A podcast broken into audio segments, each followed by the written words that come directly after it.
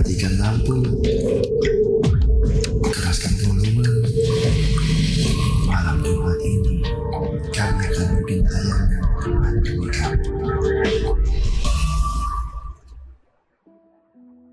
Mercu Buana Station for Creative Student. Selamat malam Jumat rekan Buana. Selamat datang di Mystery Zone. Pada malam Jumat kali ini, Mystery Zone akan membawakan hal-hal mistis dan menyuguhkan kisah-kisah misteri yang berkaitan dengan makhluk-makhluk di sekitar rekan yang tak terlihat. Pastinya ditemenin bareng gue GG dan juga Nadia. Sebelum kita masuk ke pembahasannya, gue nggak pernah lupa untuk ingetin rekan Buana Jangan lupa untuk follow sosial media kita di Instagram, Twitter, Facebook at Radio Mercubuana dan rekan Buana juga bisa untuk ngebagiin ceritanya nih dengan cara mention di Twitter at Radio Mercubuana dengan hashtag Mystery Zone. Kalau rekan Buana mau dengerin uh, siaran program yang lainnya, bisa di Spotify Radio Mercubuana dan satu lagi rekan Buana. Jika rekan Buana ingin uh, baca-baca artikel sambil dengerin streaming kita, apalagi kalau bukan di www.radiomercubuana.com. Radio Mercu Buana Station for Creative Student. Halo rekan Buana. Seperti biasa, pada malam hari ini, gue bareng Nadia bakal ngebawa ya mitos-mitos bahkan misteri-misteri yang ada di sekitar kita. Kali ini, uh, gue bakal ngebahas mengenai mitos dari Kuyang.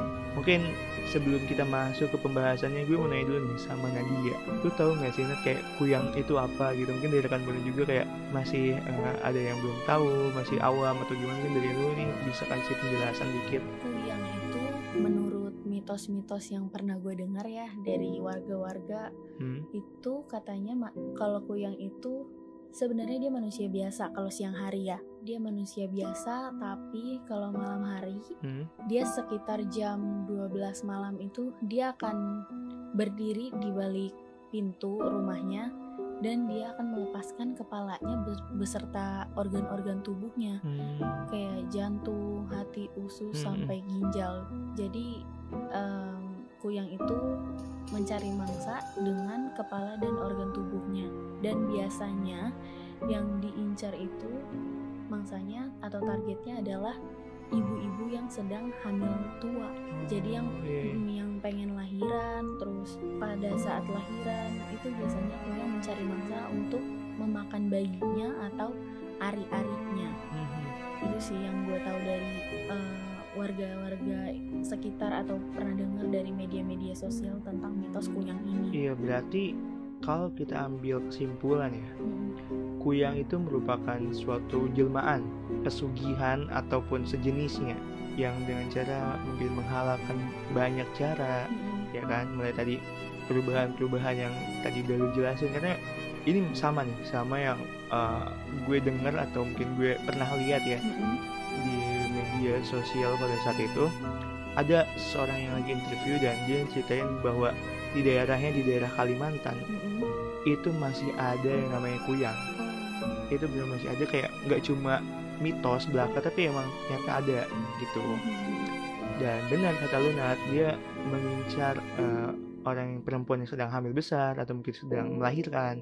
Dan si kuyangnya ini eh, menjelma menjadi binatang gitu. Jadi nggak langsung berbentuk kuyang tapi dia menjelma dulu nih mengelabui lagi si korbannya. Oh. Nah, dari menurut pengakuan maksudnya menurut dari eh, warga beredar lah gitu ketika kita bertemu dengan kuyang kita harus incar si jantungnya ini gitu. Tapi karena kuyang ini pergerakannya sangat cepat itu sangat bisa dibilang susah banget nih buat kita kejar.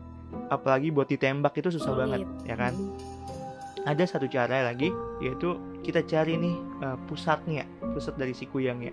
Yaitu apalagi kalau bukan badannya ya kan? Iya iya. karena yang tadi udah uh, dikasih tahu sama Nadia bahwa kuyang ini adalah jelmaan. Yang kalau siang hari ini adalah manusia biasa. Dan malam hari berubah. Otomatis badannya itu pasti ada di suatu tempat gitu. Gak jauh. Itu kadang kadang nggak nggak mungkin jauh si badan dan juga si kuyangnya ini itu nggak bakal jauh ya. Nah itu eh, kalau dari orang Kalimantan menurut pengakuan yang udah gue baca atau gue denger pada saat itu dia bilang gini kalau misalnya kita ketemu kuyang itu kadang ada orang yang bisa atau orang pinter lah ya yang punya energi eh, tahu nih bahwa lokasi si badannya itu di sini gitu. Dan ketika udah kita ketemu badannya dia balikin badannya ini gitu. Jadi supaya si kuyang ini nggak bisa masuk ke badannya lagi begitu nah jadi kan dia ada batasnya dong masih sampai pagi ya kan? Ya jadi kita balikin badannya supaya dia nggak bisa masuk lagi si kuyang ini ke badannya itu. Jadi ya udah nanti tiba-tiba udah kayak udah meninggal ke kayak manusia yang organnya itu keluar gitu. Itu katanya pernah terjadi juga di daerah itu. Mungkin dari rekan buana ada kali ya Nat soal berita-berita tentang kuyang atau mungkin sejenisnya ya. Betul. Tentang pesugihan mungkin ada Iya. juga ya. Karena ini masuk juga nih kayak menghalalkan segala cara untuk kepentingan pribadinya Betul banget. Nah, mungkin kalau misalnya rekan Buana tahu eh, tentang mitos-mitos atau fakta mungkin tentang kuyang ini, boleh rekan Buana langsung ceritain aja di Twitter kita di @radiomercubuana dengan hashtagnya Mystery Zone. Radio Mercu Buana Station for Creative Student.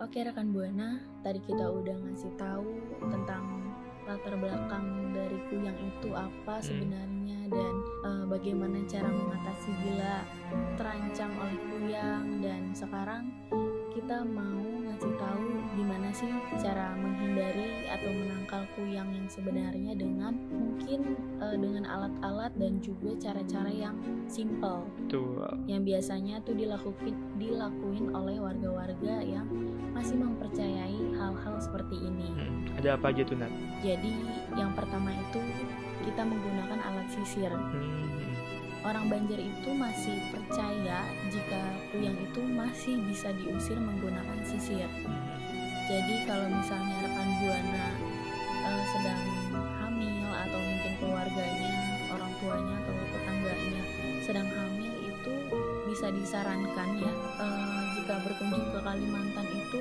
menggunakan membawa sisir ke mana-mana untuk menjauhi diri dari kuyang tersebut. hmm. dan selanjutnya itu ada cermin jadi selain ada sisir ternyata kuyang juga takut sama cermin Mm-mm. mungkin dia takut nih ngelihat wajahnya sendiri di cermin itu kali ya Nat Mm-mm, insecure kali ya, nggak punya badan. betul Eh. selanjutnya nih Nat, ada apa lagi Selanjutnya itu ada bawang merah dan juga bawang putih. Hmm, Jadi benda ini juga eh, wajib dibawa ketika lagi hamil. Itu digunakan sebagai penangkal kuyang. Bawang merah dan bawang putih ini dipercaya eh, untuk eh, menghindari diri dari kuyang karena kan betapa bahayanya ya kuyang itu buat orang hamil hmm, hmm. karena kuyang itu mengincar eh, orang-orang yang sedang hamil tua dan Iya. maka dari itu bawa bawang merah dan bawang putih ini dipercaya untuk menangkal. Jadi caranya itu tusuk bawang merah, bawang putih ke jarum lalu diletakkan di dalam lubang angin di atas pintu atau jendela kalau misalnya di rumah. Tapi kalau misalnya dibawa boleh dikantongin aja. Oke oke. Dan selain dari cara-cara tadi, pasti kita nggak pernah lupa nih sama salah satu cara yang pastinya dijamin ampuh yaitu berdoa. Yang udah banyak hal udah dilakuin tadi, yang paling penting itu pastinya berdoa. Mohon kepadanya, kepada Tuhan, bahwa supaya keluarga kita nih dijauhkan dari makhluk-makhluk gaib termasuk si kuyang tadi ini. Jadi kita nggak menutup kemungkinan si kuyang ini bakal masuk tapi kita menjaga dari eh, hal-hal mistis lainnya hal gaib lainnya yang akan mengganggu keluarga kita. Begitu rekan buana mungkin kita tahan dulu untuk pembahasan selanjutnya karena setelah ini akan ada segmen spesial apalagi kalau bukan celamuan cerita malam kliwon jadi tunggu aja di Mystery Zone Radio Mercu Buana Station for Creative Student. Seperti yang udah gue bilang sebelumnya, yaitu segmen ini adalah segmen yang spesial. Apalagi kalau bukan Celamuan, cerita malam Kliwon. Dan cerita pada malam hari ini bakal dibawain oleh Nadia yang em, bakal berbagi cerita-cerita bisnisnya atau bahkan cerita yang cukup janggal dialami oleh Nadia. Mungkin dari Nadia bisa langsung aja nih diceritain. Oke rekan Buana, jadi pada kali ini gue yang akan cerita atau sharing ke rekan Buana tentang pengalaman gue yang pernah gue yang pernah gue alami em, udah lama banget sih. Jadi waktu itu gue masih kecil, Hmm. itu pertama kalinya gue sama keluarga besar gue pergi berlibur ke puncak. Jadi untuk menghindari macet ya, Hmm. kita berangkat dari jam 10 malam. Terus kita sampai di puncaknya itu jam 1 jam 2an dan baru sampai penginapannya. Terus kita booking villa di sana selama tiga hari. Villanya itu bagus bagus banget. Modelnya juga baru kayak ala ala rumah kaca gitu jadi semua temboknya itu bukan tembok jadi kaca semuanya kaca Berarti itu kalau Lalu- dari dalam langsung kelihatan keluar ya? Iya, tapi pada saat itu di luarnya masih kebun-kebun gitu, masih sawah-sawah. Oh, iya iya. Iya, jadi di luarnya juga nggak ada penerangan, cuman di dalam rumah aja terangnya. Mhm. Rumahnya bagus banget, villanya bagus banget, tapi pas masuk nginjak kaki ke dalam rumah atau villa tersebut itu hawanya nggak enak banget. Apa tuh? Nggak tahu ya kenapa, rasanya tuh kayak ngap, terus juga panas. Padahal kan kita tahu ya bahwa puncak itu cuacanya kalau malam pasti sejuk, Ada eh, adem, dingin gitu. Tapi pas masuk itu kayak ngap gitu, kayak diinjaknya juga aneh, kayak rumah udah lama gak ditempatin gitu. Kita sampai villa sekitar jam 2an itu kita masuk dalam villa kita nggak langsung tidur. Biasalah keluarga ngobrol-ngobrol dulu terus juga ketawa ketiwi dulu. Karena kan eh, villa itu di situ eh, villanya jaraknya jauh-jauh banget ya kayak dari villa satu ke villa lainnya tuh sekitar lima jengkal lah ya. Dekat dong. deket dong nggak sekitar perkiraan 200 meter sampai 300 meter baru ketemu Oh. villa selanjutnya Berarti itu emang eh, kehalang sama taman-taman kali ya? iya kehalang sama sawah-sawah gitu Oh iya. Mm, terus eh, karena villanya jauh-jauh juga jadi kita nggak nggak takut untuk ketawa ketiwi yang kenceng gitu karena kan nggak bakal mengganggu tetangga juga Betul. Terus kita ngobrol-ngobrol sampai jam 3 pagi villa gue mati lampu Ge Mati lampu. Mm-mm, sekitar jam 3 itu Mhm. villanya mati lampu terus kita ngabarin eh, penjaga villanya ternyata penjaga villanya nggak stay di tempat villa tersebut jadi dia pulang ke rumah Oh iya iya. jadi untuk eh, tuka- penjaga villanya datang ke villa itu butuh 10 sampai 15 menitan akhirnya dibawain genset Mhm. sama penjaga villanya itu terus gensetnya nyala kemudian nyalanya itu cuman bertahan 10 sampai 15 menit aja Mhm. habis itu mati lagi Iya. mungkin itu penjaga villa juga baru sampai rumah kali ya terus kita telepon lagi eh, penjaga villanya juga balik lagi butuh 15 menit lagi ternyata gensetnya rusak dan itu nggak tahu kenapa Iya, iya. ya padahal pada saat dinyalain itu nggak apa-apa dan juga eh, bahan bakarnya juga baru juga dituang gitu masih banyak isinya Iya masih ada gitu ya. masih ada dan akhirnya karena genset rusak terus mati lampu juga akhirnya kita semua tuh memutuskan untuk keluar dari villa tersebut ke depan rumah gitu Hmm. kayak di depan rumah villa tersebut gitu pas kita lihat ternyata di satu lingkungan villa itu Hmm. Cuman villa gue doang yang mati lampunya. Villa-villa lain tuh enggak. Kok bisa? gue nggak tahu ya tapi gue sama keluarga gue tuh kayak berpositif thinking aja mungkin saluran listriknya berbeda dengan villa-villa lainnya gitu. Mhm. terus kita lama nungguin pagi tuh lama banget pokoknya di depan rumah itu akhirnya om gue memutuskan untuk pergi ke warung membeli lilin mati lampu mati lampu Iya. Akhirnya kita beli mati lampu karena kalau kelamaan di depan juga dingin banget terus kita juga mau istirahat jadinya kita masuk ke dalam nyalain lilin untuk beristirahat juga biar ada penerangannya Iya. nah terus eh, kita semua nyalain lilin dan kita taruh lilinnya di meja di mana meja itu semuanya mepet sama jendela Mhm. jadi kalau misalnya mau nyalain lilin pasti gordennya dibuka kan karena takut kebakar. betul Pas saudara gue nyalain lilin, gordennya dibuka, itu ada apa ya? Bukan jelek bat, bukan jelek hantu gitu, tapi kayak ada asap. asap Asapnya tuh berbentuk berbentuk seperti manusia, asap putih berbentuk seperti manusia, tingginya sama, ada ada bentuknya tapi bukan berbentuk badan gitu, bukan. Asap aja gitu ya sama. Dia jalan dari ujung jendela sampai ke ujung jendela. Jadi kayak ngabisin jendela gitu. hmm, Jalan dengan pelan-pelan. Nggak yang seret gitu nggak tapi pelan-pelan dia dengan santai seperti kayak mau ngasih tahu gue ada di sini.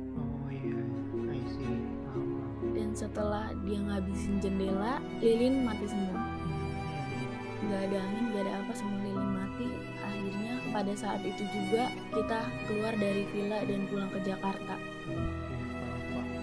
Mungkin dan harusnya nginep tiga hari nggak sampai sehari udah pulang. Itu karena takut banget sih sekeluarga ngalamin itu semua dan melihat. Hmm, mungkin bentuk perkenalan ya tapi mungkin perkenalannya emang eh, dibilang salah ya gimana ya beda beda caranya mungkin ya nanti ya kita menyikapinya gitu ya. Mungkin dia ingin mem- memperkenalkan itu memperkenalkan dirinya cuman dari kita yang sebagai manusia ya sebagai orang awam pun kayak merasa bahwa takut juga gitu. Takut.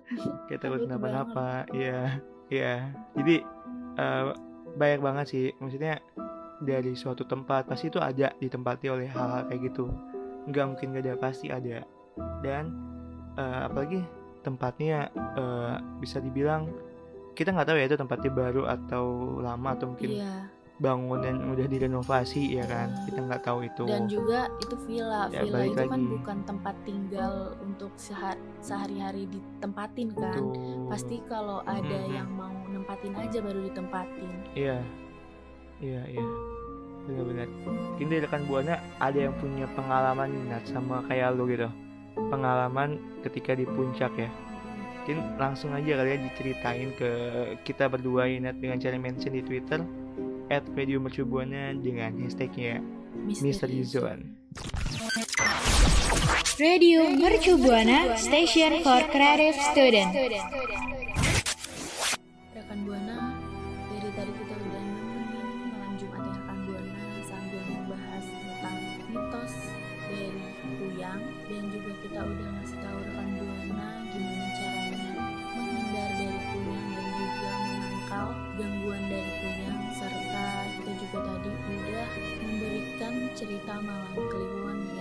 Dialami oleh gue sendiri untuk share ke rekan buana mungkin rekan buana juga bisa share cerita mistis rekan buana ke twitter kita di @radiomercubuana dengan hashtagnya Misteri Zone Betul banget Nadia. Sebelum diakhiri, gue juga berterima kasih nih untuk rekan buana yang masih setia dengerin Mystery Zone dari awal sampai akhir. Yang nggak pernah bosan juga untuk dengerin Mystery Zone dengan pembawaan materi mengenai misteri-misterinya dan apalagi nih gue berterima kasih untuk uh, produser Bang Adam dan juga Reynaldi selaku operator Mystery Zone yang udah ngebantu proses siaran kita di belakang layar. Dan sebelum diakhiri kembali, gue uh, mau ngingetin rekan buana untuk follow sosial media kita. Di Instagram, Twitter, Facebook @radiomercubuana dan rekan buana bisa untuk dengerin siaran program teman-teman kita yang lainnya, apalagi kalau bukan di Spotify Radio Mercu Buana. Udah ada Spotify, rekan buana bisa untuk dengerin streaming kita di website www.radiomercubuana.com sambil baca-baca artikelnya juga. betul Dan kalau gitu, gue akhiri, gue Gigi pamit undur suara. gue Nadia pamit undur suara Sampai jumpa di malam Jumat berikutnya.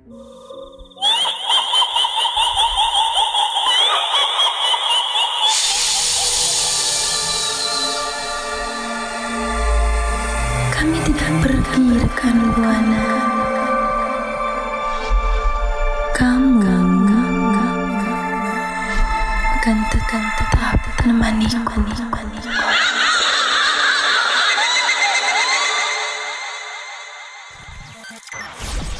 Radio Mercu Buana Station for Creative Student.